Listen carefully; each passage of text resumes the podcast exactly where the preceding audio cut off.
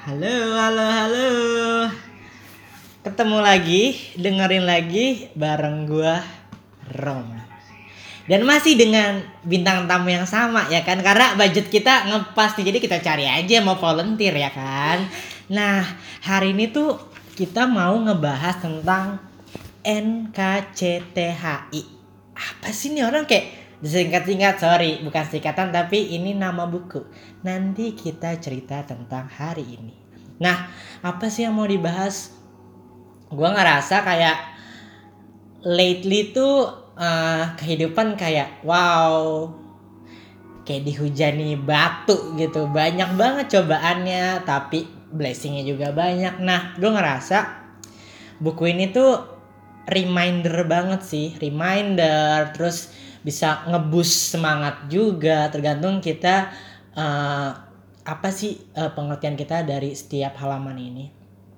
Nah hari ini gue sama temen gue Kak Isya akan kayak ini kan bukunya banyak nih halamannya. Nah gue akan kayak uh, random aja kayak nge-scroll bukunya berhenti di mana terus kayak kita bahas aja nih. Maksudnya apa sih kalau dari perspektif lo? Dari perspektif gue apa gitu. Nah Kaisha nih untuk pembuka dia punya uh, satu halaman yang favorit banget nih. Ya kan? Iya. coba dong bacain gitu. Uh, apa sih kata-katanya dan uh, menurut lo tuh ini maknanya apa gitu? Kalau gue suka banget sama satu halaman ini namanya tulisannya ya kadang cukup itu lebih dari cukup. Ah, baik Nah, jadi menurut gue Ah, ah, sendiri ah. sebenarnya apa yang kita punya itu tuh sebenarnya udah cukup. betul Tapi kadang-kadang karena ekspektasi kita banyak, maunya kita banyak, akhirnya apa yang kita punya itu berasanya ya nggak cukup. Dan itu jadi awal eh, apa ya namanya kekecewaan ya menurut gue. Jadi sebenarnya ini tulisannya itu gimana cara lo bersyukur dengan apa yang udah lo punya gitu. Kadang cukup itu lebih dari cukup. Itu sih menurut gue. Oke, kalau pandangan gue kadang cukup itu lebih dari cukup tuh bener-bener kayak emang semua yang kita dapetin tuh harus udah sesuai porsinya aja gitu. Kayak ya contohnya oke minum vitamin bagus tapi kalau lu minum kebanyakan juga sorry overdosis bukan jadi bukan jadi sehat ya kan? Iya. Lah. jadi kayak emang semua harus menurut apa sesuai porsinya aja. Jadi kayak yang sedang-sedang saja guys gitu. Nah sekarang kita mau main nih. Kalau ini ada kamera nih ya. Nah itu kayak efek-efek suara buku tuh ya kan? Kayak bisa lihat gak sih? Enggak lah ya namanya juga podcast. Nah sekarang gue akan nge-scroll atau kayak apa nih namanya? Gini tuh apa ya? Pak yang nge-scroll lah. Nge-scroll uh, buku ini secara random dan berhenti di mana kita akan bahas. Gitu. Mulai. Nah ini kalau uh, yang udah pernah punya bukunya nih di bagian halaman yang ada gelas keisi penuh setengah kosong gitu. Terus kata-katanya terlalu sibuk bicara kekurangan mereka sampai lupa kita pun kurang dengan porsinya. Ih, balik lagi nih porsi kayak related gitu kan.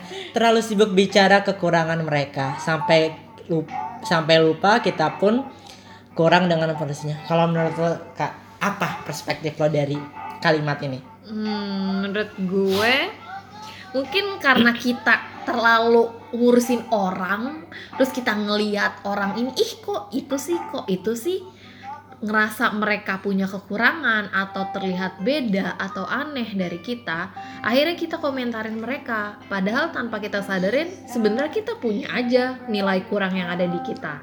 Nah itu menurut gue sih itu. Kalau lo? Kalau gue benar. Jadi terlalu banyak ngejudge orang Mm-mm. kayak sorry punya kegiatan nggak? gitu. Coba deh dikerjain dulu dituntasin dulu jangan kayak mencibir gitu ya kan. Sampai sebenarnya kita pun manusia bukan yang sempurna ada kurangnya juga. Jadi kurang lebih sama. Jadi kayak stop judging people gitu loh. Karena setiap orang setiap masalah setiap hal please banget jangan ngelihat dari satu perspektif. Karena kita nggak tahu mereka tuh kayak gitu kenapa sih? Mereka tuh lagi kayak gitu kenapa sih? Bisa aja kayak oh mungkin ngelihatnya mungkin vokal banget marah-marah. Ternyata emang sebenarnya dia orangnya nggak kayak gitu cuman karena ada masalah aja yang ngebus dia jadi eh kita babat habis aja nih orang gitu. Baik baik baik baik. Nah, dan menurut gua visualisasinya cocok banget sih. Kayak ada banyak gelas terus ada gelas yang penuh yang kurang. Jadi kayak ini orang ngelihat orang ini tuh ngejudge gitu padahal dia juga masih kosong gitu Iya. oke next oke baik ini sampai di halaman yang Robot. robot terus ada pemandangan gunung-gunung matahari gitu guys biasa kalau gambar waktu SD gitu kata-katanya coba apa boleh Kalau suatu hari ada yang rusak di kehidupanmu, coba betulkan dulu. Buang dan beli baru terlihat mudah. Kita coba yang lebih sulit. hmm Hmm. gimana gimana tuh kalau sudah eh ka- kalau suatu hari ada yang rusak di kehidupanmu coba betulkan dulu buang dan beli baru terlihat mudah Kita coba yang lebih sulit. baik apa nih agak berat ya Iya, kayak ini gue lagi mencerna sih sebenarnya apa ya artinya. Mungkin dari gue sendiri Ya. itu sekarang di zaman yang semua serba gampang, Yes. serba modern, itu kalau ada masalah atau ada perkara itu gampang banget kita buat eh buat kayak ah ya udahlah gitu, Hmm. ngegampangin lah Hmm. menurut gue. Tapi dia nggak ada inisiatif untuk eh, ngebenerin masalah itu, ngelurusin masalah itu. Akhirnya dia kayak ya bisa dibilang lari lah dari masalah. Hmm. Nah, karena menurut dia itu jalan paling mudah. Padahal sebenarnya harusnya daripada cari jalan lain atau lari dari masalah itu, ya mendingan kita selesaiin dulu masalahnya biar ke depannya nggak ada masalah lagi. Itu sih kalau menurut gue. Oke baik. Ini kan guys ini jangan eh, sekali lagi di sini tuh tidak ada penafsiran yang benar, tidak ada penafsiran yang salah. Ini penafsiran menurut kita sendiri aja ya kan karena eh, ada nih eh, eh, orang yang bilang kayak waktu gue mau bikin podcast lo mau bikin podcast? Lo tuh harus banyak knowledge-nya harus berfaedah gini-gini. Sedangkan gue pun sering dengerinnya emang podcast podcast yang emang bagus banget gitu. Kebanyakan podcast luar. Begitu podcast Indonesia masuk banyak juga kok yang receh yang ngobrolnya santai gitu. Nah menurut gue kalau dari kata-kata ini tuh kayak gue uh, gue kaitinnya sama hubungan aja jadi kalau misalnya kalian punya hubungan terus hubungan kalian rusak jangan cari orang baru gitu kan kalau gue personal. Kayaknya. personal nih kayaknya pengalaman banget. Kenapa nggak hubungannya di eh, perbaikin dahulu kayak gitu? Oke. Yuk, yuk, yuk, yuk, kita scroll lagi. Oke baik. Apa tuh? Ini eh, di halaman yang kayak bumi, terus di tengahnya ada orang dan di, di sekelilingnya banyak tangan. Kalimatnya adalah, Bumi nggak hanya berputar buat kita, jadi jangan egois. waduh, kalau ini gampang banget nih. Kayak sorry, adanya kalian di dunia ini kan bukan kayak tiba-tiba eh ada nih. Adanya kalian kan karena ibu bapak kalian. Jadi kayak kalian tuh sebenarnya keberadaan kalian di dunia ini tuh bukan semata-mata karena kalian tapi ada eh, campur tangan orang lain gitu loh. Jadi ketika kalian pun hidup di dunia ini jangan egois karena gimana ya mohon maaf makhluk sosial gitu. Walaupun kayak ah gue bisa kok ini sendiri, gue bisa kok itu sendiri. Tapi at the end of the day kita tuh butuh bantuan orang lain guys. Tuh. Iya sih? Kalau menurut lu gimana? Kalau menurut gue, menurut gue ini ngena banget buat orang-orang yang self-centris, Waduh. Yang merasa dirinya itu paling benar. Ini kalau gue bisa gambar ini eh, raut muka Kaisya tuh kayak eh, nanar marah kayak eh ditekuk aja nih kita boleh kayak pemeran antagonis ya gitu. Ya, ini nggak nggak itu ya, nggak nggak berdasar dari masalah pribadi. Iya enggak enggak gue- kita enggak ada yang ngejudge gitu. oh iya, oh iya sorry, sorry. Betul. Iya, tapi menurut gue ini eh, ditujukan buat orang-orang yang ngerasa bumi itu berputar cuma buat dia gitu. Hmm. Dia kadang suka lupa kalau eh, dia punya teman, dia punya keluarga, dia punya sahabat, tapi dia lebih mengedepankan dirinya dia sendiri dalam segala Hmm. hal. Itu sih. egois sih Betul. kayak semua bisa sendiri oh mohon maaf kita kalau mati dikubur sendiri aja gitu kayak kan ya. mayat-mayat ini apa independen gitu ayo kita scroll lagi eh sorry ketemu lagi Oke. Wah, ini gue tau nih ini di bagian part bab yang malam kayaknya soalnya uh, Gelap. ilustrasinya gelap. Kalimatnya gini. Suatu hari senang datang, nikmati saja. Tapi suatu hari sedih akan lebih berkesan, nikmati saja. Gitu. Hmm, gimana nih gimana gimana? Gimana? Kalau gue gini. Namanya uh, apa? Hidup tuh semua berpasangan. Hmm. Laki perempuan, laki-laki, cewek-cewek. Ah, pokoknya ber- semua berpasangan deh. Ah, Iya. Kunci sama lobang ya kan. Pokoknya semua berpasangan. Sendok eh, sama garpu. Makanya ini juga kayak senang pasangannya sama sedih. Nah, kalau di sini dia bilang suatu hari senang datang nikmatin aja nih ya kan enjoy chill tapi kalau sedih dat sedih datang juga jangan khawatir sedih itu akan lebih bikin berkesan. Kenapa? Kalau menurut gue karena selalu ada moral value di balik semua kesedihan itu. Jadi kita bisa jadiin pembelajaran. Gitu. Betul, betul ya nggak sih? Iya, iya.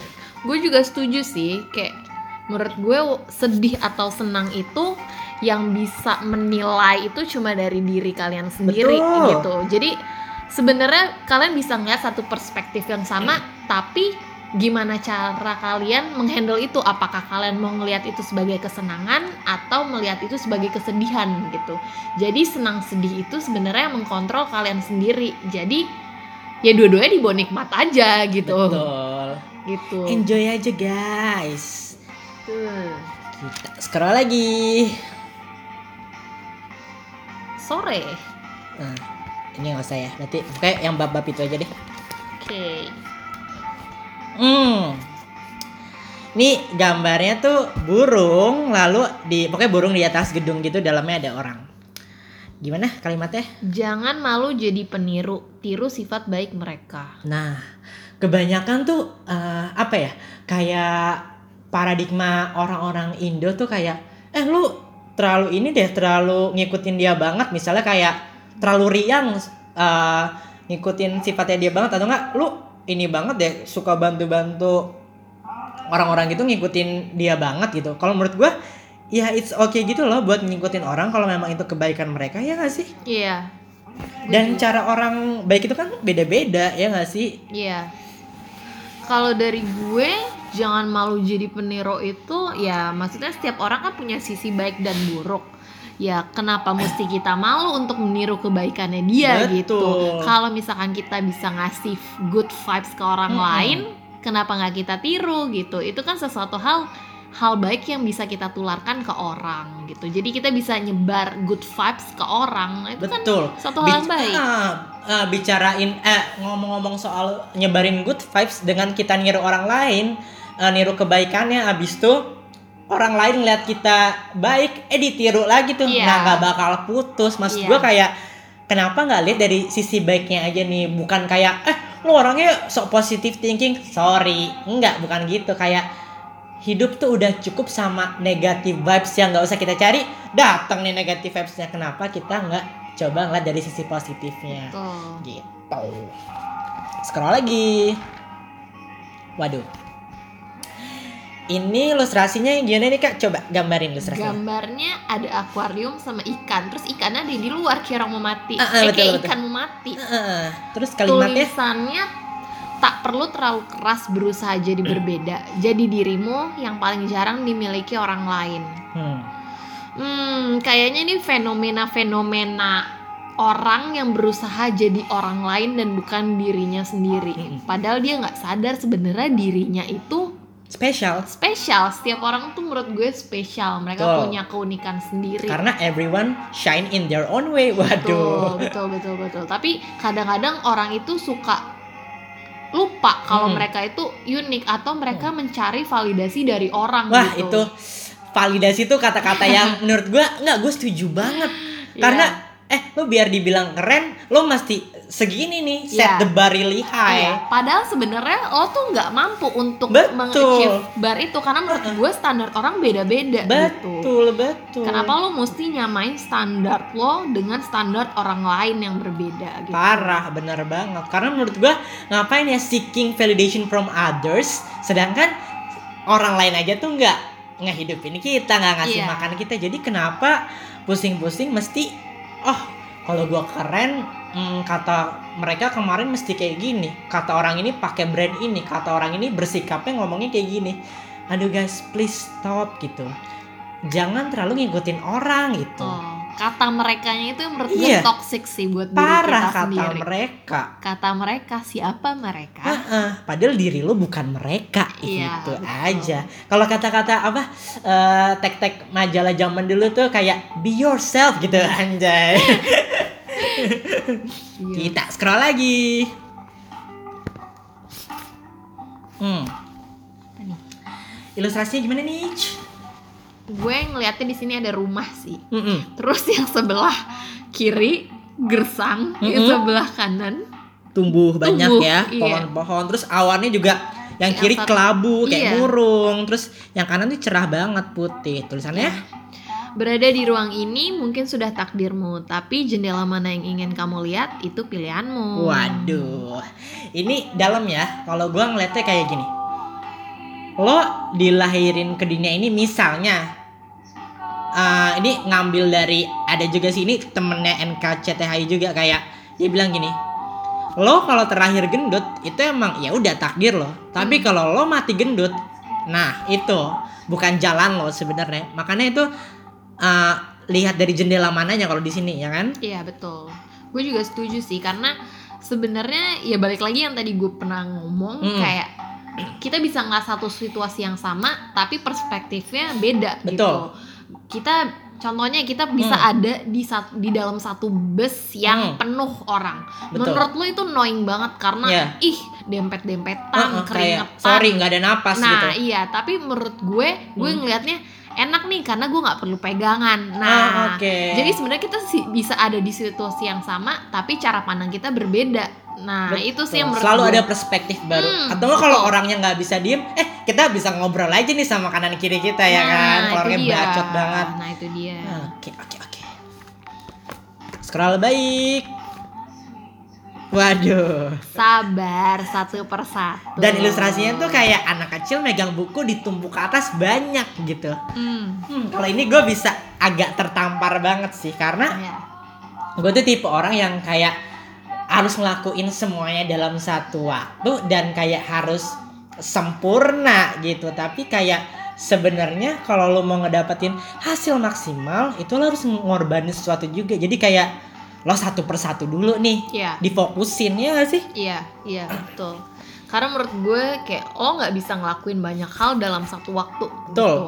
Dan menurut gue kayak hmm, timing itu tepat kok kalau misalkan lo ditakdirkan untuk bahagia pada saat itu, Hmm. ya udah lo akan bahagia gitu. Jadi jangan muluk-muluk atau pusing kayak wah semuanya harus gue lakukan pada saat ini gitu.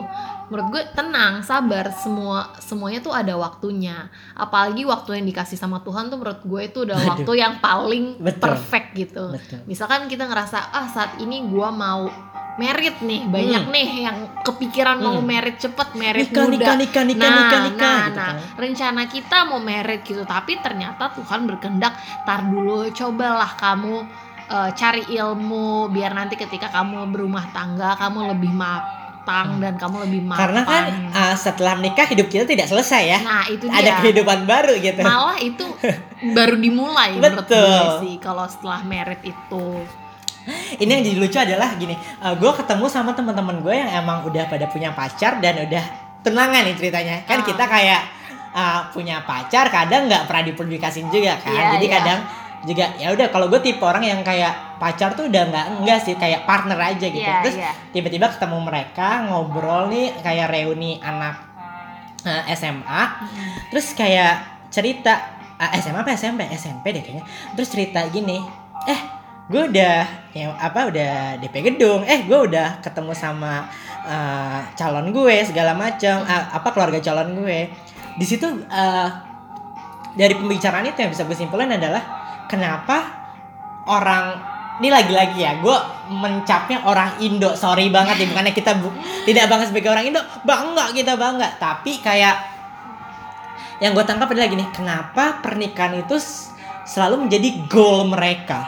Sedangkan it's okay gitu loh kalau misalnya goal lu bukan menikah juga soalnya banyak juga temen gue yang mereka living together aja sama partnernya kan gak ada beda juga sama menikah. Tapi kenapa kayak menikah itu menjadi momok oh ini goal gue nih untuk ke kehidupan yang lebih baik kalau menurut lo gimana Ya kalau menurut gue perspektif orang beda-beda Yes. sih. Kadang untuk hal itu ada yang oke, tapi ada juga yang menurut mereka tabu.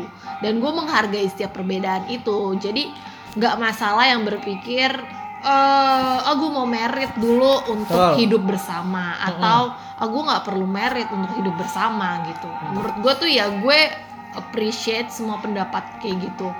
Karena setiap orang pasti punya pendapat masing-masing yang mereka anggap benar gitu. Jadi gue nggak bisa menilai apakah gue benar atau gue salah. Karena semua orang itu pasti punya perspektif yang berbeda. Betul, karena nggak ada yang benar nggak ada yang salah juga guys. Kayak Yes. itu tergantung lo aja melihatnya gimana. Ini nih nih Hmm, ini Waduh, ini yang baru banget gue obrolin tadi sama Kaisya pas uh, di kantor nih. Jadi ilustrasinya kayak cewek naik tangga tapi lagi ngebetulin eh ce- cewek naik apa sih nih? Uh, tangga. tangga. Lagi tapi lagi ngebetulin tangga juga kan? Iya, dan dari atas. iya. Kalimatnya kalau nanti ambisi jadi nomor satu semoga bukan karena nyaman lihat yang lain dari atas tapi karena mau ajak yang lain ke atas. Ini menurut gue uh, buat gue jarang banget sih nemuin orang-orang yang kayak gini gitu. hmm. karena at the end of the day kayak yang gue selalu bilang atau kayak yang gue selalu pahamin everyone for himself gitu loh ya everyone for themselves susah banget kayak lu udah di atas eh kita ajak lagi nih yang lain kecuali Iya.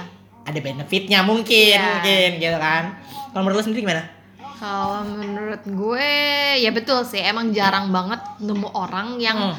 mau ngerasain kesuksesannya bareng-bareng gitu. Mungkin ya mereka lebih utamain diri mereka sendiri. Cuman gue appreciate sih kalau menemukan orang yang ketika mereka sukses, Hah? mereka inget orang-orang yang Parah. pernah ngebantu dia pada saat dia belum sukses gitu. Hmm. Jadi dia pingin orang-orang yang yang dulu ngebantu dia mungkin ikut sukses sama dia. Nah itu jarang sih. Dan gue berharap banget menemukan orang-orang itu lebih banyak di dunia kita sekarang.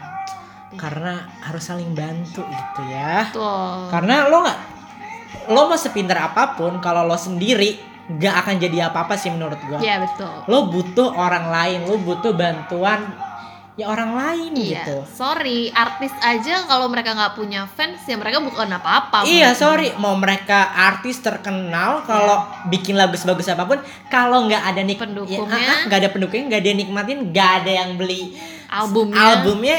Sorry, dapat duit dari mana aja, tuh baju-baju iya. gemerlap yang dipakai Iya. gitu kan? Benar benar benar. Eh gue dong yang scroll. Oh ya oke, lo scroll ya. Oke. Di- Lo sekarang lo yang scroll. Nih. Apa nih?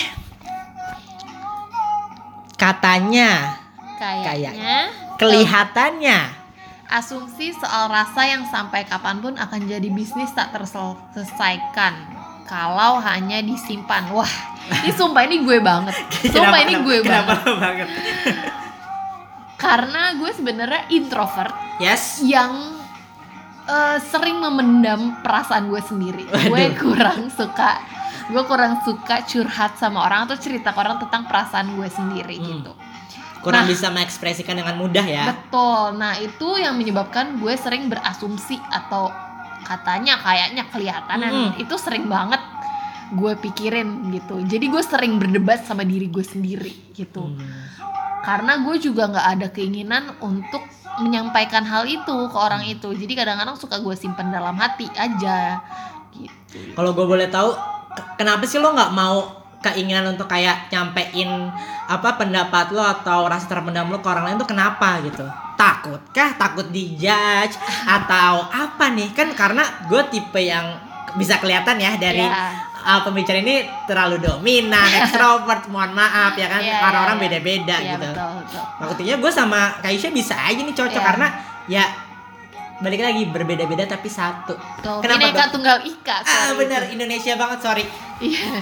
Gimana ya? Mungkin kalau kalau menurut gue semua orang tuh pasti punya sibuk dengan pikirannya masing-masing dan gue Oke. nggak mau menambah pikiran mereka dengan cerita gue itu sih yang gue Hmm. pikirin makanya kadang-kadang gue suka mendam sendiri sebenarnya itu Hmm. bukan hal yang baik Yes. kalau kayak gitu cuman ada beberapa hal yang memang harus harusnya dikomunikasiin kalau lo mau dimengerti karena orang kan nggak bisa baca pikiran lo Betul ya kan kita bukan ini ya mind bu- reader Ah, sorry bukan mind reader, bukan X-Men Oh, yang iya. bisa punya baca pikiran. Nah makanya itu sebenarnya harus gue rubah sih yang kayak gitu tapi ya butuh waktu lah. namanya Betul, betul, betul. manusia. Nggak bisa kayak ngebalikin telapak tangan gitu kan. Iya, Kayak betul. butuh proses. Mm-mm. Nih, Gue lagi oke. iya. Karena kita udah sering ya kan, jadi ibu aja deh. Oh ya udah sebentar. Nih Oke, apa nih? selalu ada celah untuk lihat salah. Waduh. Ini nih orang-orang yang selalu mengkritisi even orangnya berbuat baik. Kayak misal ah, bikin pengajian, terus buat anak-anak yatim. Waduh, sorry pembicaranya jadi religius ya. Soalnya kan emang udah lihat iklan-iklan marjan kayak udah mau puasa nih Iya, gitu. betul. Ini tuh tipe-tipe orang yang kayak orang udah berbuat baik aja dicari aja nih kesalahannya. Iya. Sorry. Kalau menurut gue ini sih buat orang-orang yang sebenarnya udah nggak suka sama orang itu. Jadi Hmm, apa pun dilakuin jadi Iya. salah. Betul, betul, betul, betul. Sebenarnya itu nggak baik sih, karena karena ya secara nggak langsung lu udah menjudge orang itu, menstereotip orang itu gitu. Padahal belum tentu niat dia itu jahat Betul. atau belum tentu dia kayak yang orang bilang gitu. Memang siapa tahu emang orang itu baik gitu, tapi terlihat kurang ramah atau gimana. Mungkin ini ah, dari kecilnya orang yang suka mengkritik ini pengen jadi juri Indonesian Idol kali ya. Oh, itu bisa Atau jadi. juri Master Chef yang kayak marah mulu mukanya. Kritik mulu. Ah, ah, kritik mulu sana sini gitu. Mungkin lebih chill deh Kak, chill gitu. Iya. Jangan selalu apa-apa dikomentarin gitu ya kan. Soalnya Gitu. Anda juga nggak dapet cuan dari komentarin orang-orang gitu. enak ya bu. Kalau ngomentarin dapat duit Ah, ah, juga kayak mau. sorry kayaknya kos kakinya pendek sebelah atau enggak? Bajunya panjang 5 cm sorry kritikus banget gitu kan. Kritikus. terus dapat Iya. duit enak ya kayak gitu. Yuk yuk yuk kita balik lagi kita scroll lagi. Udah. Susah ya Ah, ah. halamannya banyak tapi yang kebuka itu itu ah, aja. ah, kayak balik lagi balik lagi. Waduh agak panjang nih rasa takut sering menang dalam diri ibu sampai tiba hari pertama untuk melakukan hal baru Waduh. gugup selalu jadi teman teringat pesan dari kakak perempuan selalu ada yang pertama kali dalam banyak hal Waduh. balik lagi nih ini yang tadi kita barusan ngomongin pas gue lagi jajan chat time Oh, guys iya, iya, ya kan iya, iya, Nah, iya. kalau mau tau chat Iya. time tuh gue apa ya tadi Eh, ada gitu deh lupa nama menunya ini tuh gue obrolin juga sama Kak Isya eh lo kalau eh eh, dapat kerjaan baru atau ngelakuin sesuatu yang baru lo takut gak sih kayak Iya. gugup gak sih nervous Iya, gak sih iya, ya kan iya iya iya ini sebenarnya ini barusan banget gue cerita ke Romi kayak parah Jadi gue sekarang ada di tahap di mana gue merasa kerjaan gue nyaman banget. Mm-mm. Terus gue mencoba untuk mencari opportunity di luar kerjaan ini. Hmm. Tapi kerjaan yang gue dapet ini menantang banget. Semenantang itu di luar comfort zone gue. Jadi sampai gue tuh takut kayak bisa nggak ya gue ngejalanin ini, bisa nggak ya gue ngelakuin ini gitu. Terus tiba-tiba muncul kata-kata ini. Selalu Betul. ada yang pertama kali dalam banyak hal gitu.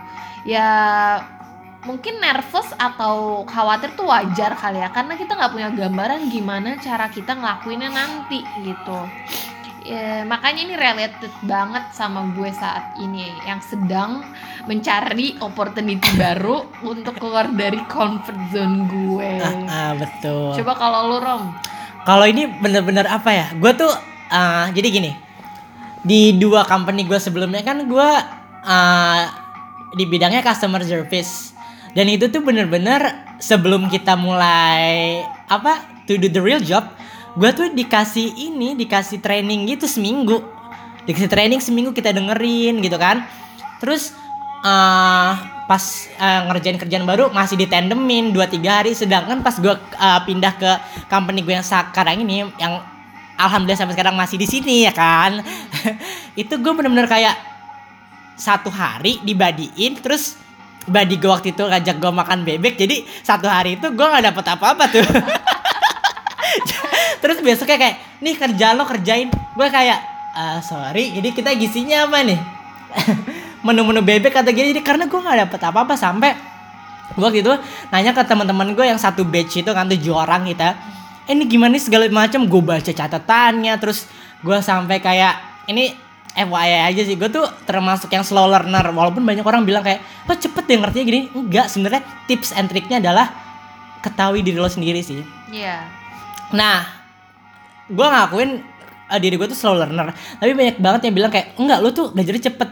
Rahasianya adalah kalau gue saat belajar atau ditandamin orang, gue ngevideoin sama nge-voice notein. gue pakai voice recorder gitu. Jadi once gue nyampe rumah, gue bikin summary-nya besok gue jadi langsung ngerti gitu. Jadi kalau misalnya gue dijelasin sama tandeman gue itu gue kayak cuman oh iya iya aja gitu Iya, mau iya aja, padahal ngerti. sorry kayak kosong gitu gitu yuk kita scroll sekali lagi terakhir Terakhir ya. iya terakhir terakhir terakhir, terakhir. karena udah lumayan panjang nih ada mata abis itu kaca pembesar coba nih kalimatnya Jangan terlalu cepat berhenti mencari tahu apa yang kamu cari. Ini proses menyenangkan.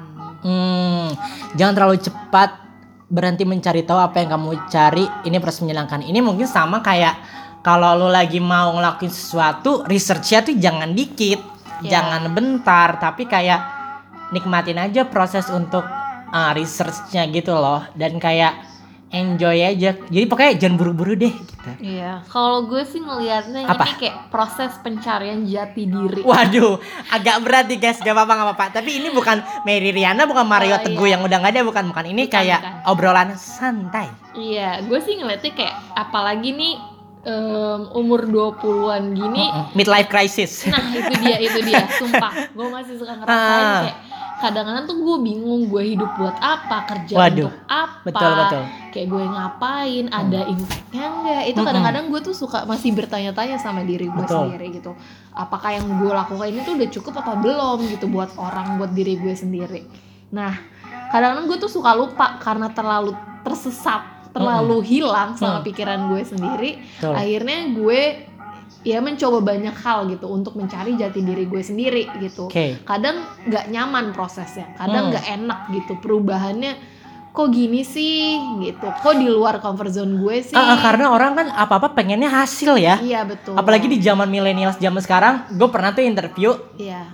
interview nih terus kayak ini emang eh, satu korporat lumayan gede sih, bukan startup kayak yang gue jalanin sekarang. Hmm. dia bilang gini saya tuh nggak suka sama kaum millennials kenapa ya kalau kaum kaum kamu itu tuh padahal kita belum ada kayak eh, perkenalan diri atau apa Iya. langsung dijudge gitu gue kayak oh sorry ciut gitu kan Iya. kenapa karena mereka tuh apa apa pengennya hasil nah apa apa pengennya hasil mereka tuh nggak pernah mau menikmati prosesnya gue langsung yang kayak eh iya kayak ketampar sorry soalnya diri kita juga kayak eh cepet-cepet deh yang penting hasilnya udah ada hasil dulu aja Iya gitu iya iya iya. Gue juga setuju sih sama orang-orang yang eh, menikmati prosesnya karena Hmm. menurut gue ketika lo mencapai hasil Mm-mm. Yang lo tuju dengan proses yang susah dengan Betul. usaha lo sendiri menurut gue itu lebih berasa sih Hmm. hasilnya tuh lebih lo lebih bisa bersyukur gitu untuk hasil apa pun itu ya Mm-mm. hasilnya jelek atau buruk tapi ketika lo udah berusaha semaksimal mungkin itu menurut gue nggak sia-sia sih jadi proses itu sebenarnya menyenangkan dan pembelajaran diri menurut gue Hmm. proses pembelajaran diri itu salah satu poin penting sih menurut gue kenapa karena eh, kata Kaisya sendiri mau nanti hasilnya gagal Iya. berhasil atau eh, masih digantung atau gimana yang penting proses pembelajaran itu jadi kayak apa ya knowledge baru buat kita value baru buat kita supaya nanti kalau ada di posisi yang sama atau di posisi yang sama dengan cara yang beda kita bisa gunain pembelajaran itu betul Nah, oke nih, kan ini kita udah kelar nih tentang buku NKCTHI-nya atau nanti kita cerita tentang hari ini. Menurut lo sendiri pendapatnya gimana sih? tentang buku ini Ya.